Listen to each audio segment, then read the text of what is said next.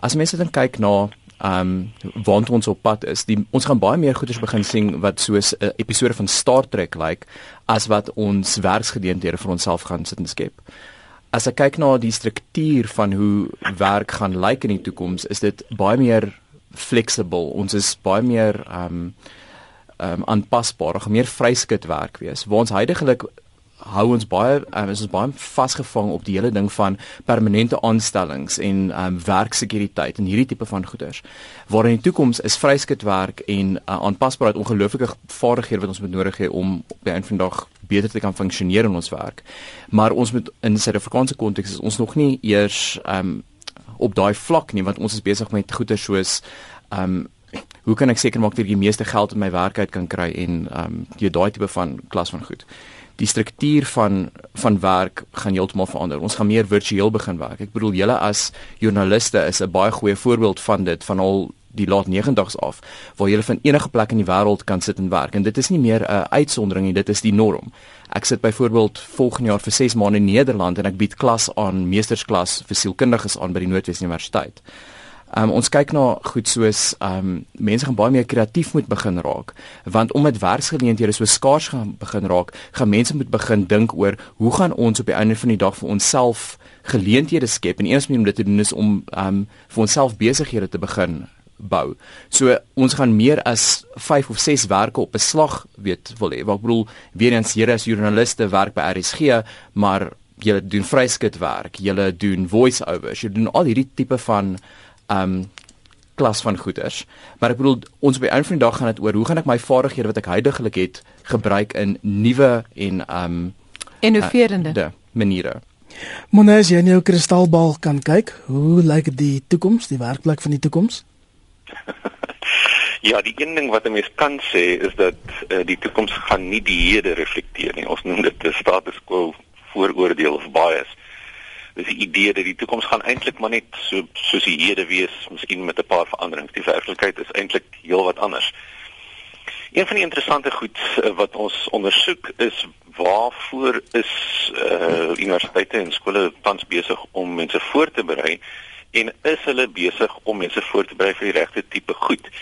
En met die verskriklike versnelde veroudering van kennis, is dit 'n geweldige risiko vir universiteite en vir skole want die aard van werk is besig om te verander. So die struktuur soos Louwelen uitgewys het is besig om te verander.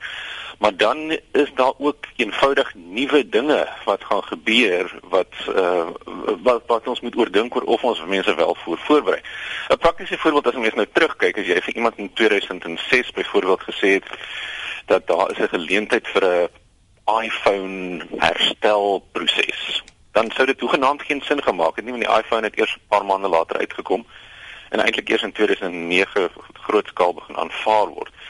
So dis 'n klassieke voorbeeld van ehm um, van iets wat op 'n stadium nie bestaan het nie en nou so algemeen is ons dink nie twee keer aan nie. Ach, nog 'n tipiese voorbeeld is sien maar iemand wat ehm um, lugversorging in stand hou.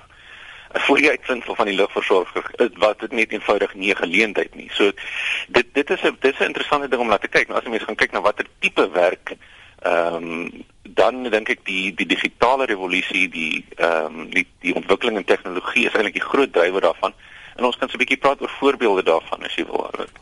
Gee gerus 'n paar voor, voorbeelde. Ek dink byvoorbeeld aan ehm um, die die enorme tendens van digitalisering ehm um, en hoe dit reflekteer op wat ons nou sou beskou as 'n tradisionele werk. So as ek as ek as ek so 'n paar ehm um, absurde voorbeelde dalk kan gee. Ehm um, ons het ons het vertroud op die oomblik met iets so sê net maar 'n begrafnisondernemer. Maar ons digitale status, ons aanlyn status raak so belangrik dat ehm um, dit is ehm um, nie moeilik om te dink dat dat daar 'n groeiende bedryf sal wees in 'n tipe digitale begrafnisonderneming. Met ander woorde iemand wat gaan dink oor jou status en jou ehm um, die refleksie van jou familie aanlyn en so aan na jou dood. Dis iets wat nie bestaan het voordat ons aan die smartphone gedink het nie, maar dit is mense gaan nog steeds doodgaan en reputasie gaan altyd belangrik wees. So dit is dalk 'n soort van voorbeeld waarna mense kan dink. As jy net dink aan die verskriklike groei in die hoeveelheid uh drones of uh hommeltuig soos 'n kollega van my die ander dag het vertaal het daar is geweldige geleenthede in die ontwerp ehm um, die bemarking, die branding, uh, die instandhouding van 'n hommeltuig iets wat ehm um, selfs op die oomblik nie regtig uh, bestaan nie. En daar's daar's talle ander voorbeelde. Kom ons praat 'n bietjie oor robotte. Toe ons vroeër vanoggend ons luisteraars vraag daar gestel het oor die werksplek van die toekoms, was dit baie interessant Louwel en hoe baie mense gereageer het in die woord robot gebruik het. Kom ons praat 'n bietjie oor gevorderde robotika. Ehm um, ek wil net daar ek dink jy het dit mooi mooi opgesom in jou in julle terugvoer aan die luisteraars.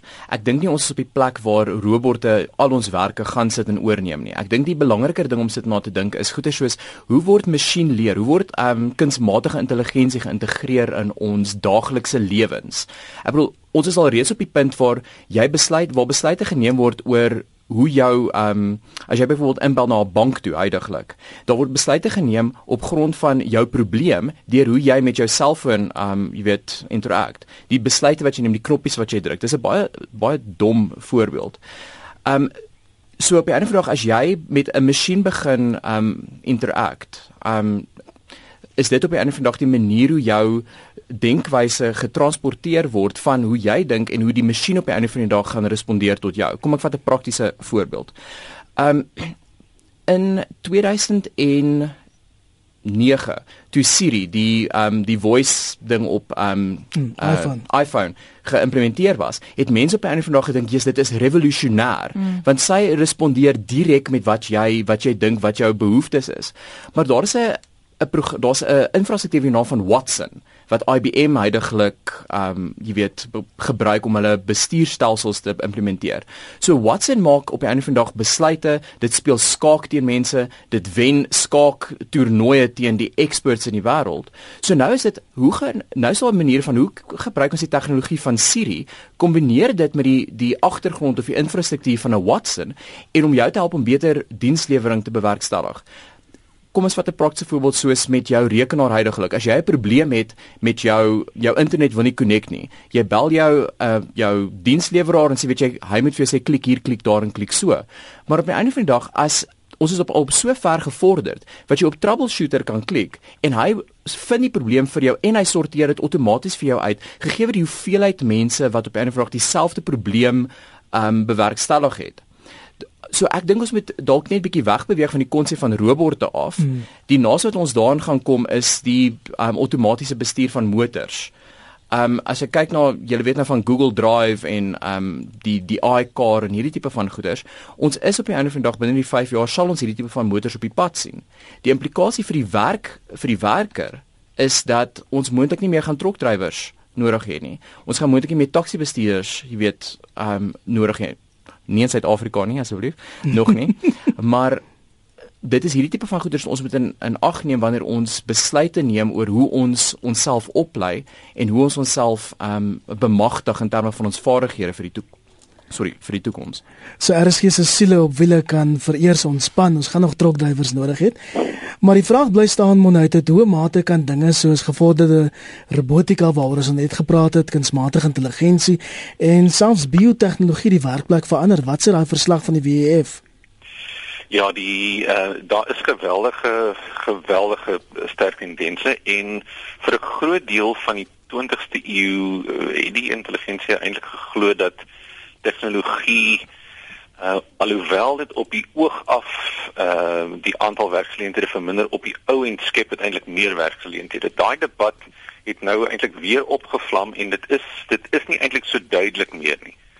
En daar is 'n geweldige vrees dat uh die meer prosedurele dinge, voorspelbare dinge, lineêre dinge, uh dink maar aan 'n tipiese ehm um, sê net maar eenvoudige ehm um, produksie uh, tipe lyn die tipe goed word op die ou end uh, eintlik gerobotiseer en die uh, robotte se intelligensie is op so vlak dat uh, die mense eintlik sukkel om te kompeteer uh, veral ook wat akkuraatheid en spoed betref. Met ander woorde, daar is 'n geweldige dreigement aan werkgeleenthede vir diegene wat 'n geweldige voorspelbare ehm um, ontleedbare stap vir stap tipe bedryf beoefen. Enigiets in daai veld ehm um, en men dit sluit uh, risiko's in vir dinge soos ehm um, laafvlak uh, rekenkunde byvoorbeeld ehm um, selfs uh, auditkunde byvoorbeeld. ehm um, telebemarking wat jy wel eens so effens van verwys. So dit is eintlik maar baie prosedurele dinge. Mense volg 'n skrip, hulle lees dit af of hulle volg vyf stappies en dan kom maar 'n resultaat. Al daai tipe werkgeleenthede het geweldige druk op hulle heidaglik. Maar die voordeel natuurlik is dat as jy kan 'n bietjie antisipeer, die tipe goed wat ons nou die instituut vir mense probeer laat verstaan, dan berei jy jouself voor om op 'n ander manier te dink. Nou wat die wêreldekonomiese forum sê is die vaardighede wat jy gaan nodig hê in die toekoms gaan eintlik uh, so 'n bietjie verander. Dit gaan nie net oor harde werk nie, maar dit gaan ook oor sekere mate van kognitiewe vaardigheid. En een van die interessante dinge vir my daar is die ontwikkeling van nuuskierigheid. Dis iets wat 'n mens eintlik verloor as jy 'n baie voorspelbare stap vir stap tipe werk doen elke dag. Maar in die toekoms omdat dinge natuurlik baie meer kompleks raak en baie meer uitdagend is, is nuuskierigheid eintlik 'n nuwe vaardigheid wat mense moet ontwikkel. En om terug te kom na jou vorige vraag oor werksgeleenthede, mense kan baie maklik antisipeer dat daar eintlik 'n groot mark gaan wees vir mense wat nuuskierigheid vaardighede of curiosity skills kompetensies gaan ontwikkel in ander is 'n vaardigheid wat ons eintlik tot 'n mate verloor het. Lewellen, watter vaardighede is tydloos? Um, ek wil net gou eers net 'n um, terugvoer gee op wat hy genoem het oor die elementêrheid van um weet werke wat gaan vernietig of gaan verander. Om jy gee, ek werk houdiglik met universiteit in die Nederland Twente Universiteit op online intervensies. Nou om jou idee te gee, as ek de, as jy aan iets dink soos depressie byvoorbeeld. Um as jy depressief is, wil jy met 'n terapeut gaan praat, jy wil met iemand gesels of jy kan help deur hierdie proses, daar's 'n gestruktureerde hmm. proses wat gevolg word en et cetera en jy wil daai menslike, jy weet, komponent hê. Maar daar was 'n studie wees wat bevind het hulle het 'n online intervensie ontwikkel wat hulle noem computer adaptive interventions. Met ander woorde, die rekenaar het 'n um kunsmatige intelligensie wat agter hom in hom ingebou is. En soos wat jy deur hierdie proses gaan online, is jy besig om um is hierdie is hierdie rekenaarprogram besig om uit te figure presies watse vlak van depressie jy het, wat gaan die maklikste manier wees om jou te help? Watse ehm um, self-administered intentional activities wat ons noem, watse goeders wat jy op jouself kan doen, kan geïmplementeer word om jou op die einde van die dag te kan help. En hulle het gevind dat hierdie tipe van programmatuur wat gebruik word baie meer effektief is as wat 'n uh, terapeut is. Want as jy eendag die oggend wakker word en jy voel angstig en jy voel depressief en jy wil jouself, jy weet, ehm um, leed aandoen, wil jy op daai spesifieke oomblik gehelp word. Jy wil nie wag vir 3 of 4 dae met 'n terapeut te praat nie.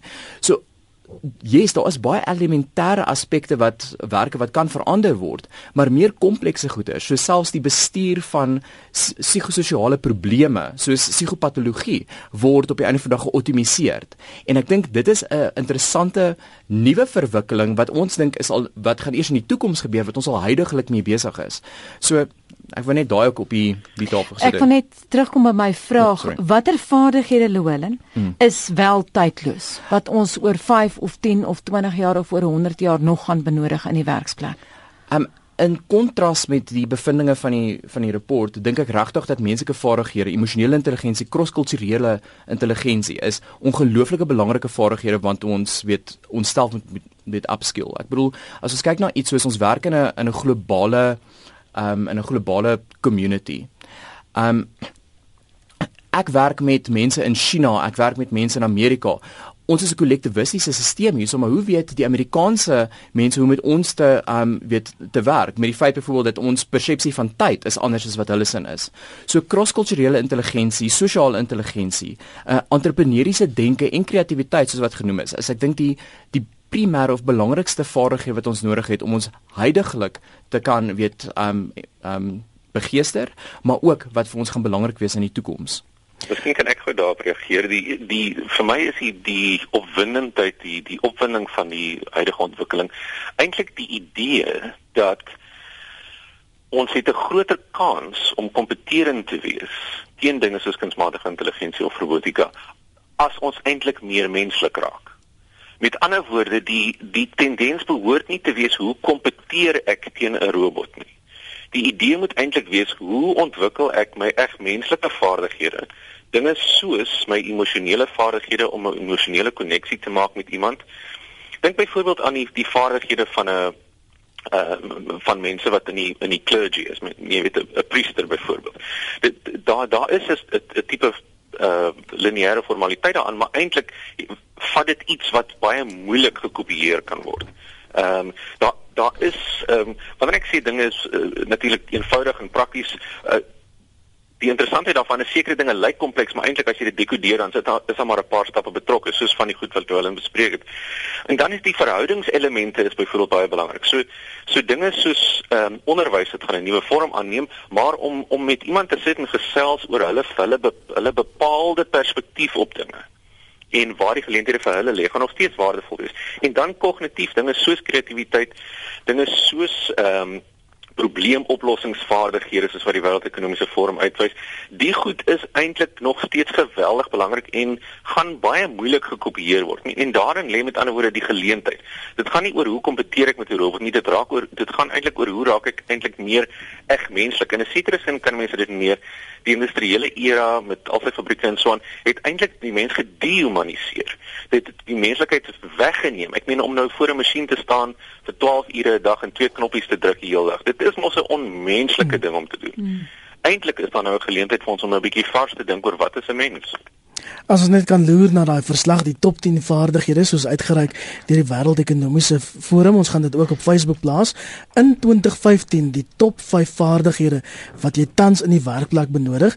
Nommer 1 komplekse probleemoplossing, tweede samewerking met ander, derde mense bestuursvaardighede, vierde kritiese denke en in die vyfde plek ehm um, wat is onderhandelingsvaardighede in 2020 oor 5 jaar vanaf Komplekse probleemoplossing bly in die eerste plek, maar dan gevolg deur kritiese denke, kreatiwiteit, mensbestuur en dan hier samewerking met ander.